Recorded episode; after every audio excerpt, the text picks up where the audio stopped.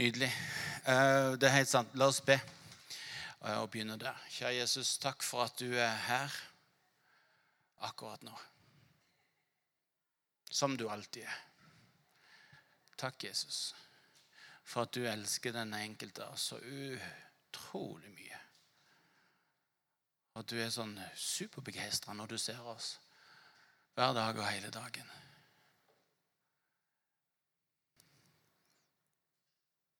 Det er som du overhører våre ja, ja, men du, du vet jo åssen det egentlig henger sammen.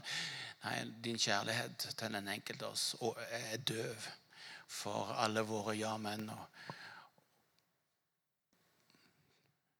Takk, Jesus, for at du er så begeistra for den enkelte. Så fornøyd med at den enkelte her er din favoritt. Hmm. La oss våge å åpne opp for for akkurat det. Og la det slippe inn så mye rundt oss som ofte bare taler ut ting for å ta motet fra oss. Og så kommer Gud og sier vet du jeg er strålende fornøyd med det. Vanvittig for en fyr du er. Vanvittig for en dame du er. Fantastisk for en ungdom du er. Fantastisk for en person du er. Og så, så er det en del av Guds kjærlighet til deg. Wow. Det er ingen fordømmelse for den som er Jesus Kristus. Ingen fordømmelse, men anerkjennelse. Fordi vi er i deg, Herre. Fordi vi er nye skapninger. Fordi vi er født på ny. Fordi vi er frelst og fri. Å, du er så begeistra. Du er så begeistra for den enkelte. Så stolt. Så det er noen av oss som nesten aldri har hørt noen av foreldre eller ektefelle eller sjef eller lærer si at 'Vet du hva, jeg er så stolt av deg'. Og så sier du nå, Gud, til den enkelte av oss at 'Hei, jeg er stolt av deg'. Jeg er stolt av deg. Jeg er stolt av deg, jenta mi. Jeg er stolt av deg, gutten min. Takk, Jesus, for at du er heftig begeistra for oss på innsida og på utsida.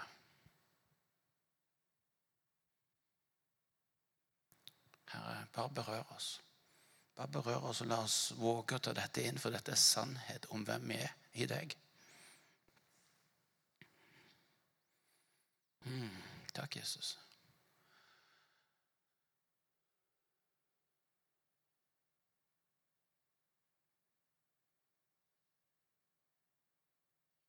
Vi avlyser kristen olympiske lege. Om vi skulle bli gode god nok og vinne priser som gjør at vi er liksom verdige et eller annet. Den, de olympiske legene fins ikke fordi den enkelte av oss har fått gullmedalje helt fra starten av. Førstepris. Vi avlyser de kristelige olympiske leger i Jesu navn. Mm.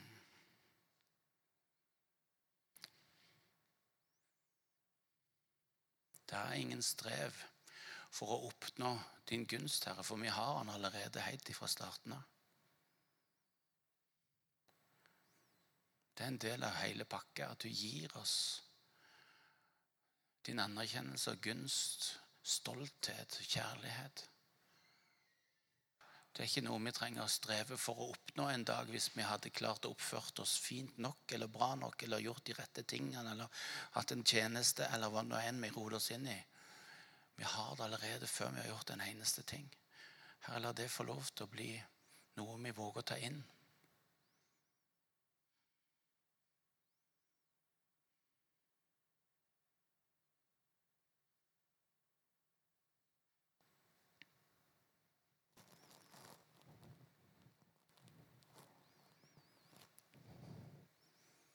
Innta vårt hjerte og overbevise vår tanke om at disse ordene er helt sanne for den enkelte av oss.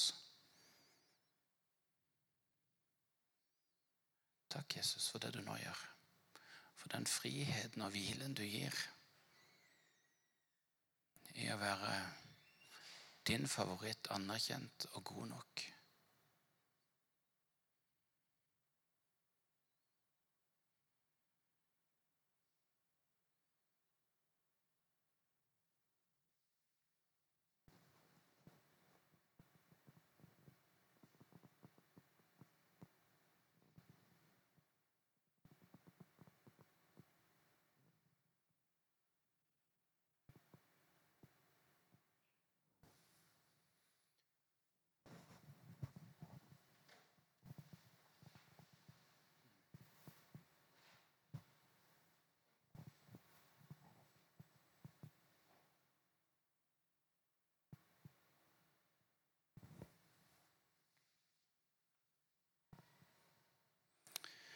Amen.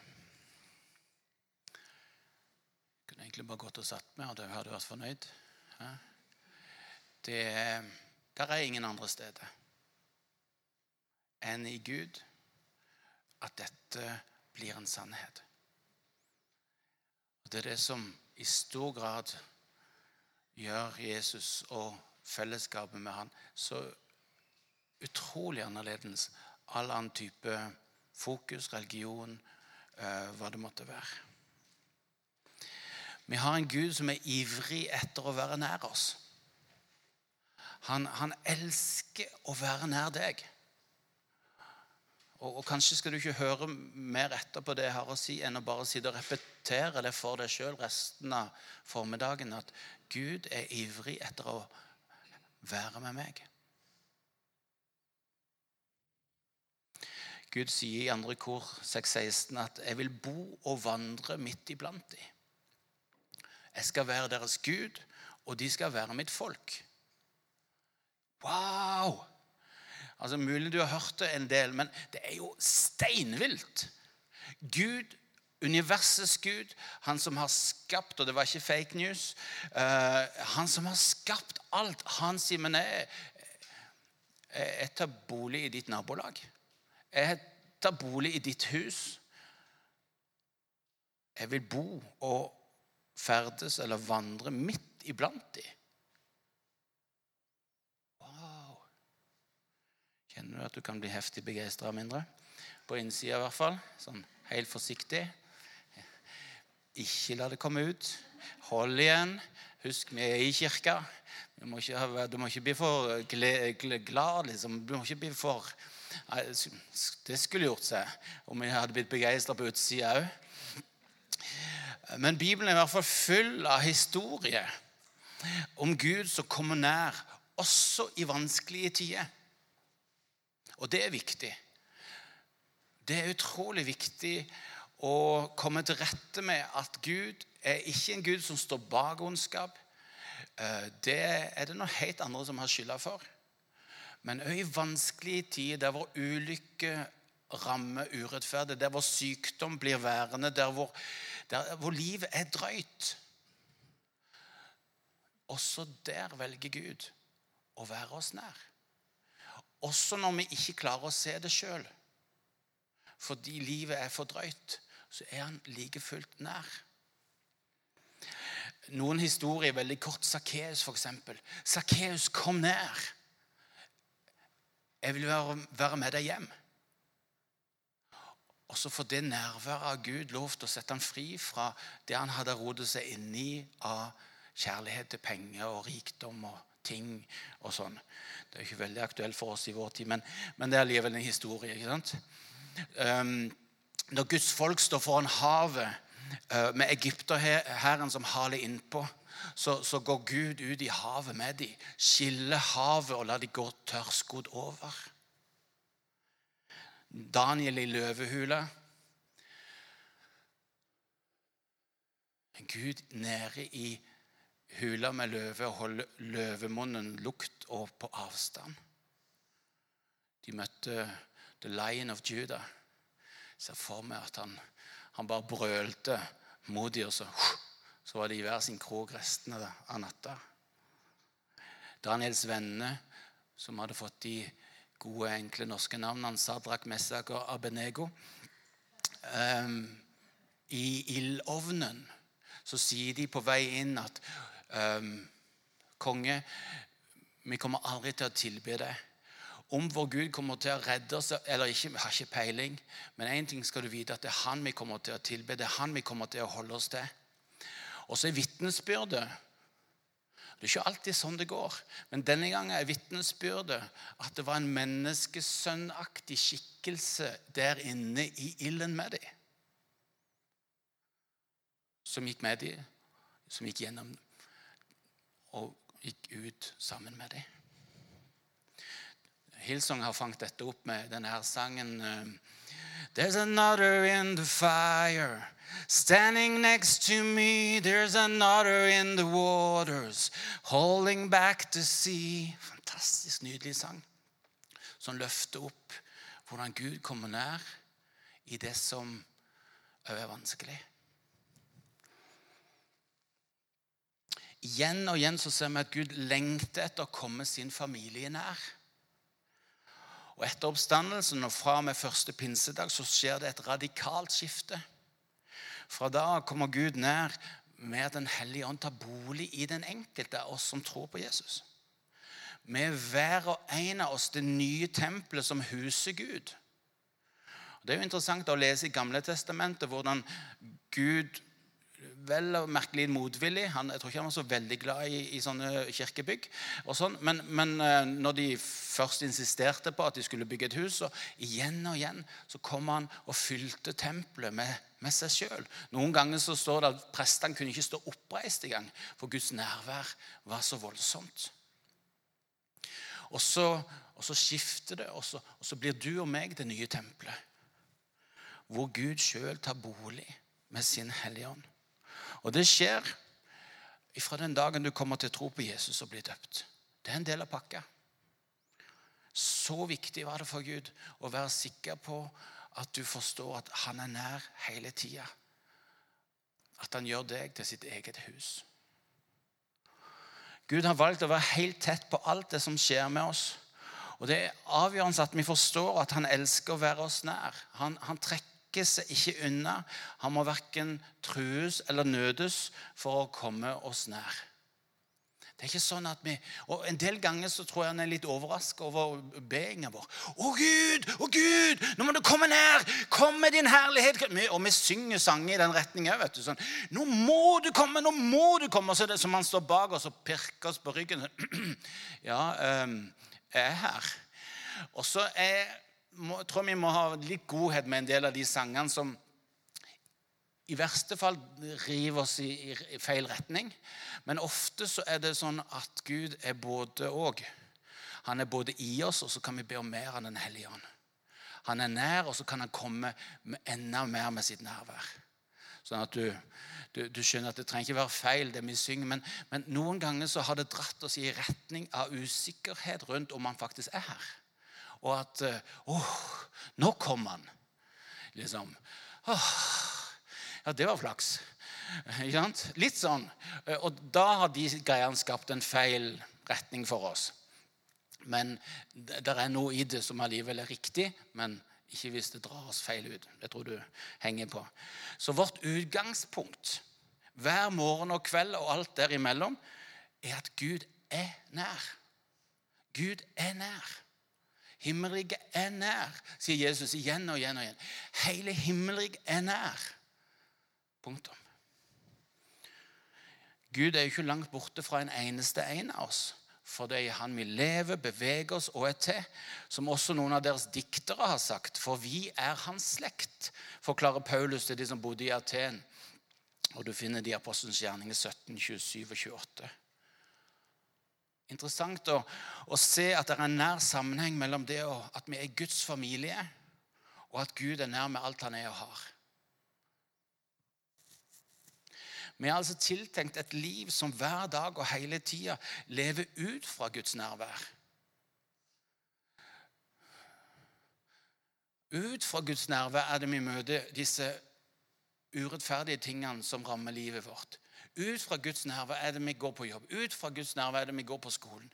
Ut fra Guds nerve er det vi uh, prøver å få familien til å funke. Ut fra Guds nærvær Det er ikke sånn pokal på slutten. At 'Oi, da klarte jeg hele uka uten å krangle i ekteskapet. Oi, ok, da får Guds nærvær. Uh, men det er ut fra det. Det er en utrolig styrke i å få lov til å begynne der, og så gå inn i det som måtte være. Vi er tiltenkt et liv som hver dag og hele tida lever ut fra Guds nærvær. Noen av dere vil huske bildet fra Esekiel 47 i Det gamle testamentet med ei elv som begynner å renne, og så popper det opp trær, og så, og så går du ut i havet, og så renser det havet. Hvis ikke du har hørt historien før, eh, ta gjerne ettermiddagen og bare leser et fantastisk bilde som males ut i Esekiel 47. Eh, og det, det er et bilde om levende vann som pipler fram fra alteret i tempelet. Og alteret i, i, i gamletestamentlig tempel er et symbol på Guds nærvær. Og Det er derfor mange kirkebygg fremdeles i dag har, har alter. Sånn som eh, kirka vår her i byen har et alter. Så, så uh, symbolikken i det er uh, at Gud er nær. Uh, og ifra alteret så pipler det fram vann. Bitte en liten, sånn, liten strøm. Uh, som når takrennene her går fulle, og det, det pipler litt ned. ikke sant? Uh, og så blir det en større og større elv. Og Ut fra dette nærværet så blir piplen vann til en elv som forvandler, og som helbreder og gir uvanlig stor vekst. Disse trærne som etter hvert vokser opp, bærer frukt hver måned, står det f.eks. Vi har vi har Guds nærvær i oss. Og, og Vi er hans tempel i dag, og ut fra oss vil Gud la det piple fram til forandring for oss sjøl, for folk vi treffer, til forandring i byen, i landet, i verden. Til forandring av de urettferdige sidene av vårt samfunn. Til forandring for de utsatte og de rettferdighetsløse. Til forandring for familier i dyp trøbbel til forandring for enkeltpersoner som har fått en, en, en vanskelig start på livet, osv., osv., osv. Den som tror på meg, sier Jesus, fra hans indre skal det, som Skriften sier, renne elver av levende vann. Så Jesus tar opp igjen det bildet senere og connecter oss på at den elva, det er deg og meg. Deg og meg. Det pipler fram, blir til elv, blir til forandring. Og det hele starter med Guds nærvær. Gud er i oss hele tida, mektig på alle steder til alle tider. Hele Guds rike er inni deg og tilgjengelig for denne verden. Wow. Jo, jo, jo, jo stillere det blir, jo mer heftig begeistra er du på innsida. Det, det, det, har jeg lært. Så igjen det, det, det er spesielt. For, for, det er nå snakk om det er deg. Akkurat deg. Ikke, ikke de andre, de òg, men, men, men, deg.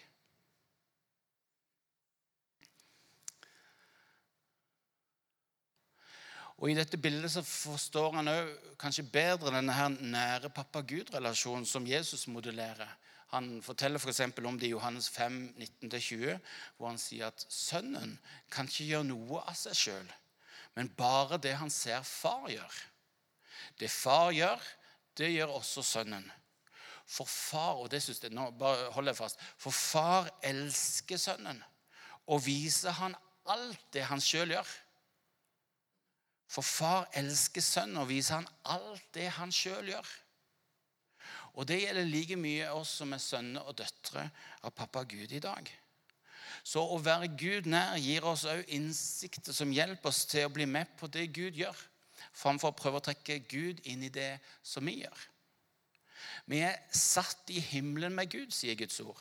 Og, og det er en presens over det. For en gang skal vi settes i himmelen som paradis som der vi kommer til etter vi er døde. Men, men verset har en, en, en nåtid over seg, som er at vi er satt i himmelen med Gud nå. Og, og, I mitt hode så ser jeg for meg at jeg, jeg, kan stige opp i himmelen og sitte rundt bordet med Gud og diskutere litt. Du, vet du hva, Nå, nå sliter vi skikkelig i familien. Eller nå er det noe som er krevende i Kambodsja. Eller nå, nå holder jeg på å rote det til helt alene. Eller her lurer jeg på Og så får vi sitte rundt det himmelske bord, hvis du er med på bildet. Å, å, å få tak i hvordan ser Gud på dette. Hva er Guds perspektiv? Hvordan ser dette ut med Guds øyne? Og i det hele tatt omvendelse, dette ordet som brukes med å omvende dere, handler om å, å, å snu og få Guds perspektiv på han sjøl. Å se Gud med hans øyne. Se meg sjøl med, med, hans øyne. Og se verden omkring med hans øyne. Så helt ifra omvendelsen per definisjon handler om at han tar oss inn i det som han ser, og det han gjør. Så Guds nærvær blir et sted hvor vi får hekte oss på det som Gud ønsker å ta oss inn i. Det som Gud ser at vi trenger. Og Noen ganger så, det, så sier han som til disiplene Kom, bli med og hvil der litt. For han sier at oi, ja, det, det, nå er det en, en, tid for det. Og andre ganger er det et mer utfokus som sier nå er tida til å, å smitte folk med dette nærværet osv. Å gi Guds nærvær fokus og rom vil påvirke oss og alle rundt oss. Det er helt nydelig.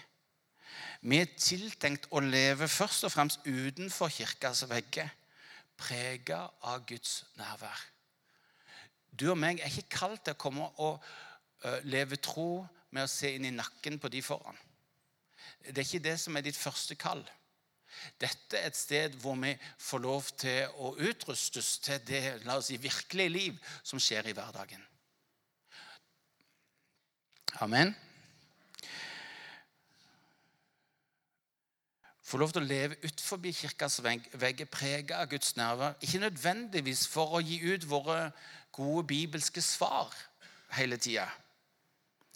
Men la det som preger oss, skape spørsmål i de som ennå ikke tror. Det tror jeg er en mye bedre måte, spesielt i vår tid. For vi har mange gode svar, og det kommer en tid hvor, hvor en skal få lov til å gi de videre.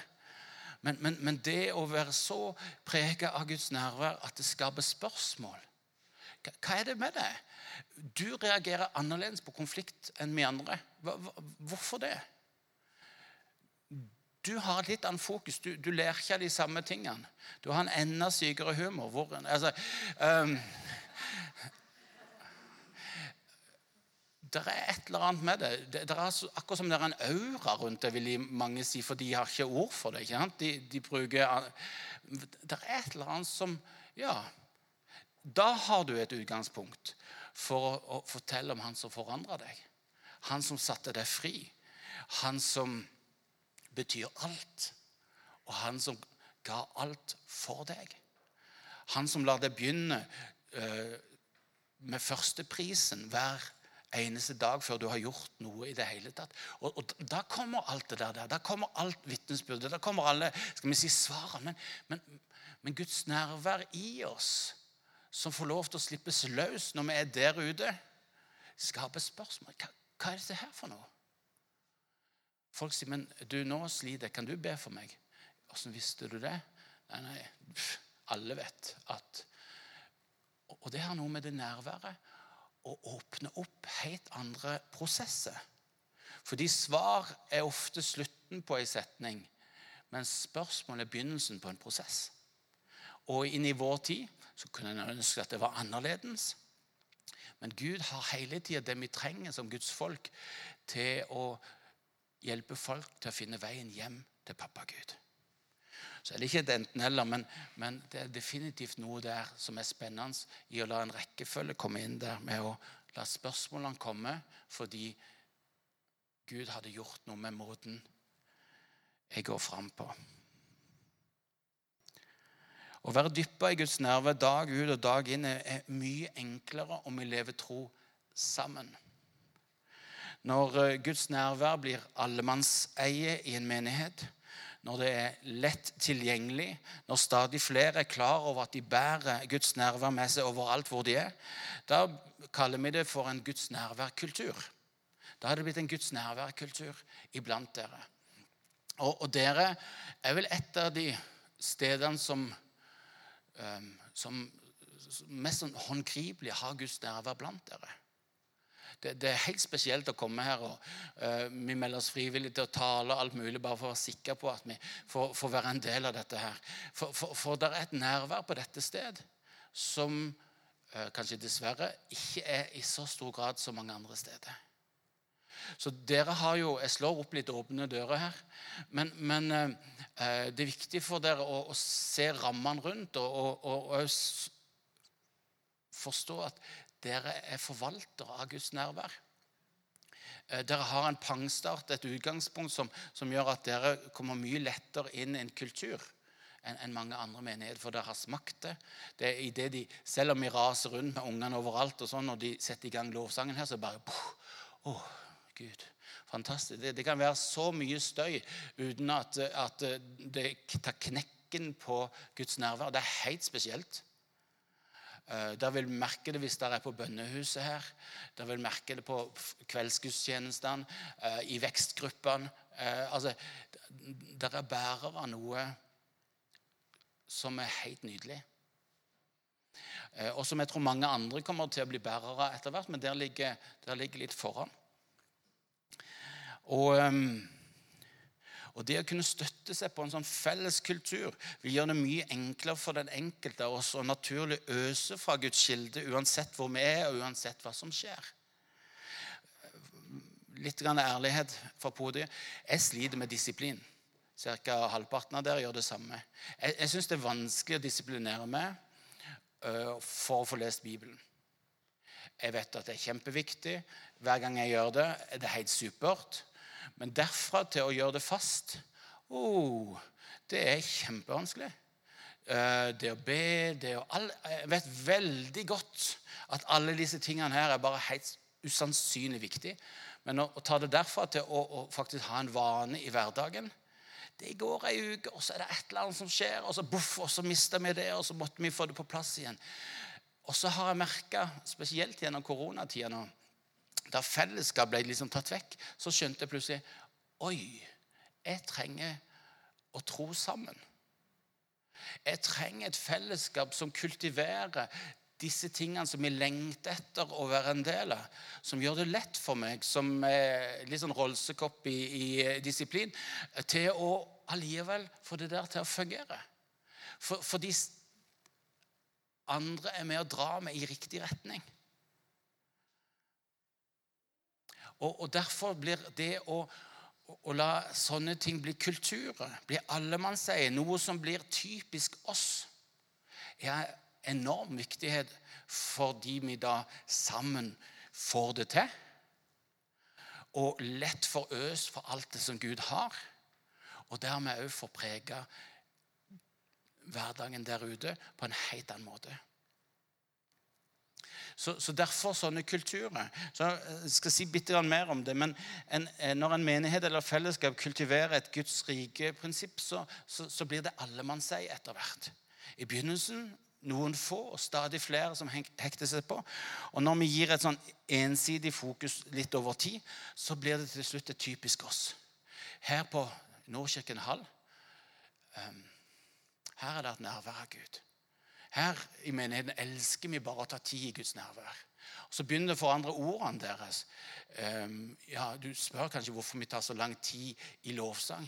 Det er fordi at lovsang åpner døra inn til Guds nærvær. Så, og så begynner måten en snakker på, å, preges av det som er typisk oss.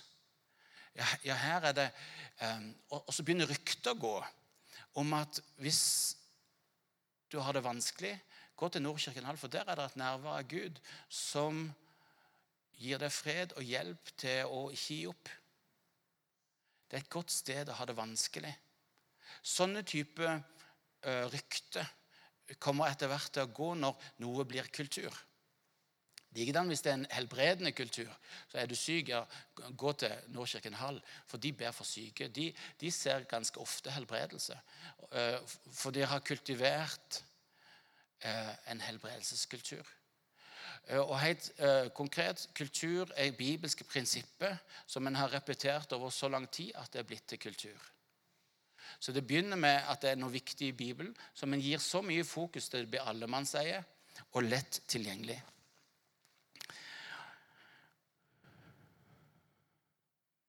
Og når vi holder på å utvikle en sånn kultur, så går det mye fortere, og vi gjør to ting på samme tid. Og det, det er, eh, Erfaring har vist at det å ha forståelse som peker mot praksis, samtidig som en har praksiser som peker mot forståelse, samtidig, så, så beveges en menighet mye fortere inn i en kultur enn om en bare gjør som mange menigheter gjør, forståelse som peker mot praksis.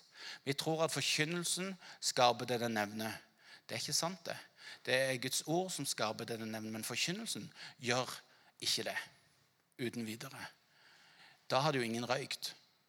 Altså, Forkynnelsen på røykpakka er at det er utrolig helseskadelig. Eh, I noen land så har du sånne bilder av sånn veldig uh, skada folk. Men, men, det betyr ikke at folk finner praksisen til å slutte å røyke. Men, men, forståelsen er viktig, og samtidig en praksis som hjelper til å sette forståelsen ut i livet.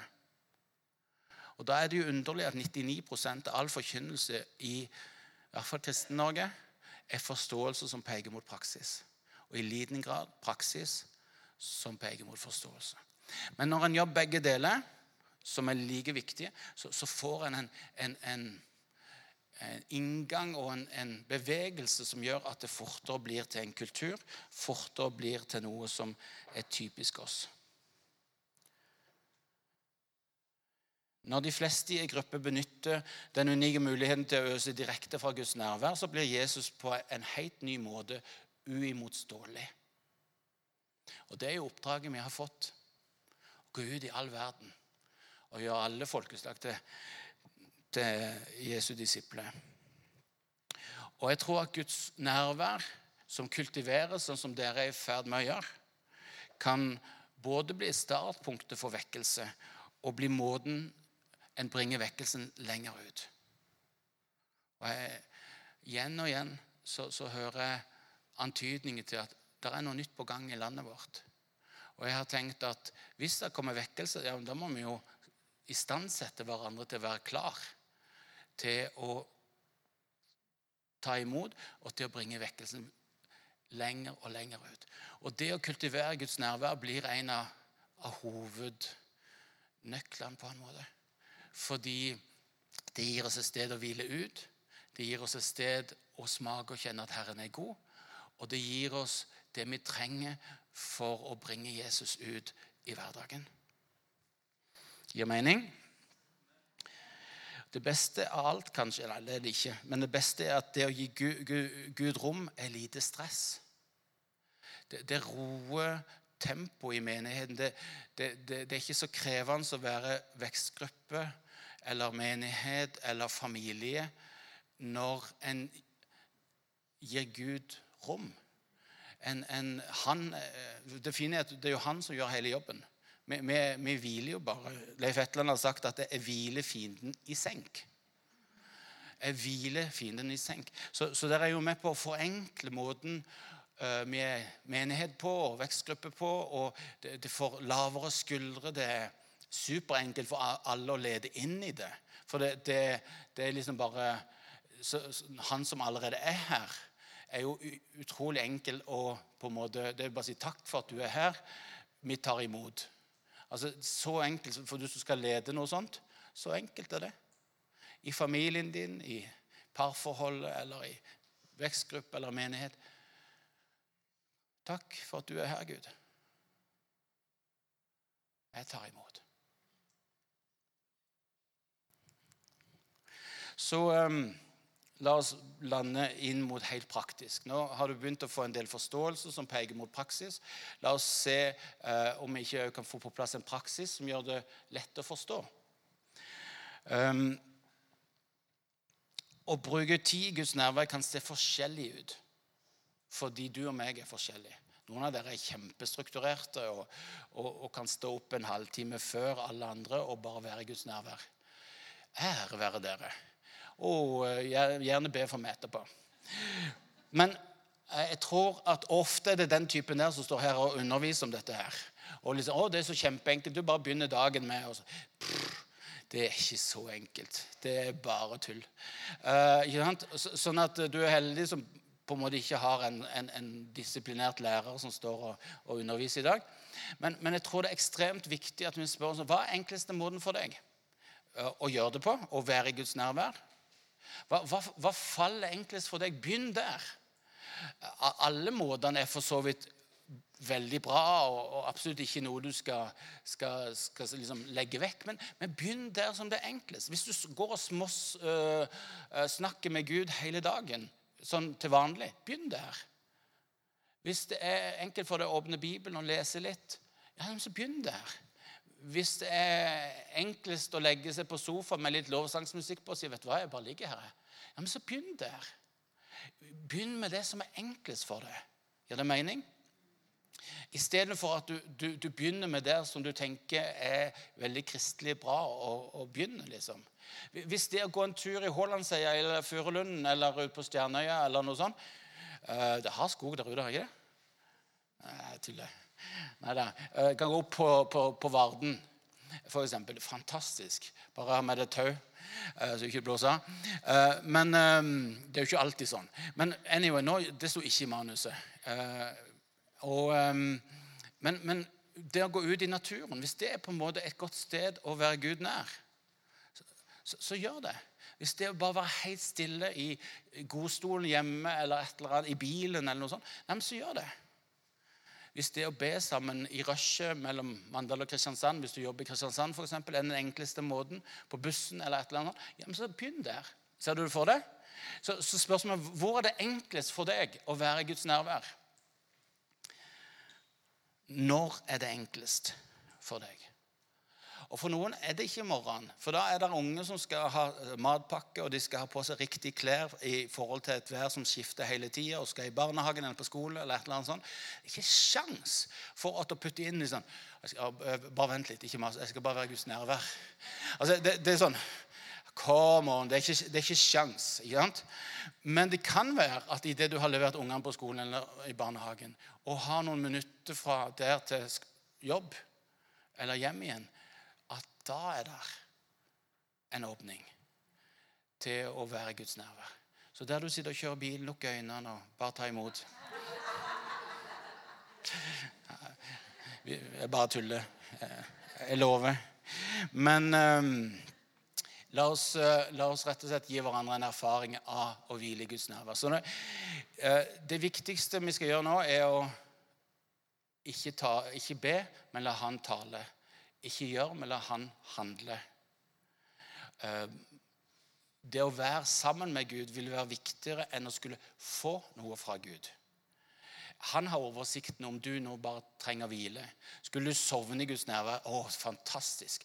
Da, da Gud bare så at det var viktig. Vi setter musikken så høyt opp at hvis du snorker, så går det greit. Men, men, men, men, uansett, han har oversikten over hva du trenger akkurat nå. Det kan være det er en helt sånn blueprint av en plan fordi at nå var tida inne til å se framover nye ting som han ville ha det inn i. Men det kan jo bare være at vet du hva, Kom, la oss hvile oss litt. Kom og sett deg i armkroken min. Så, så, ikke be. Eh, og, og um, i den grad du har lyst, det å ligge nær er min favorittstilling i hvert fall. Og eh, noen vil òg, idet de har gjort det, si at oh, at jeg ikke gjorde det før. For det, det hjelper med hele kroppen til å skjønne at jeg skal bare ligge her og ta imot. Så, så, om ikke her, så gjerne hjemme. Test det ut. Det går an å knele, det går an å gå, det går an å sitte, det går an å ligge. Det, det er høy frihet, men, men ligge hjelper hele kroppen til å bare ta imot. Så, så, det kan være et tips, men sikkert ikke for alle. Noen av oss er så rastløse at vi heller har lyst til å bare gå i Guds nærvær. Så, så eh, kjenn der igjen det som er bra for deg. Men akkurat nå, la oss bare ta imot det han måtte uh, ha lyst til å gi. Jeg sier ammen når alt er ferdig, for alle dere som er leder og lurer på hva er klokka nå. hva er klokka nå, Kommer unger nå? Kommer unger nå? Jeg har full kontroll på det. Du kan bare hvile og la, det, la Gud være Gud. Hvis du trenger et bilde for å hjelpe deg i gang, så kan du se for deg at du tar ned paraplyen og lar Guds regn bare falle over deg. Og så tar du opp en gedigen trakt for å være sikker på at du får samla så mye som mulig av hans velsignede regn. Hans regn er bra. Det der ute mm, bra og ikke alltid bra, men, men Guds regn er bare helt fantastisk. Så ta ned paraplyen, få opp trakta. Kan være et bilde for noen av dere. Men igjen, ikke be, la han tale. Ikke gjør, la han handle. Så setter vi på litt lovsangsmusikk, og, og så ber jeg litt. Kjære Jesus, takk for at du er her. Og takk for at du elsker den enkelte av oss. Og du elsker å skjemme oss ut. Du elsker å komme nær. Kom nær til den enkelte nå med akkurat det du ser vi trenger. Og kanskje aller mest bare kom nær med deg sjøl. La oss få lov til å henge med deg og være med deg. Du universets herre, du bor og ferdes iblant oss.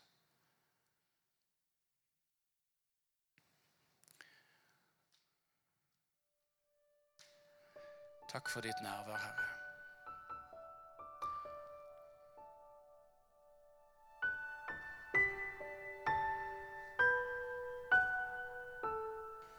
Takk for det du nå gjør, Gud. Takk for det du nå gjør.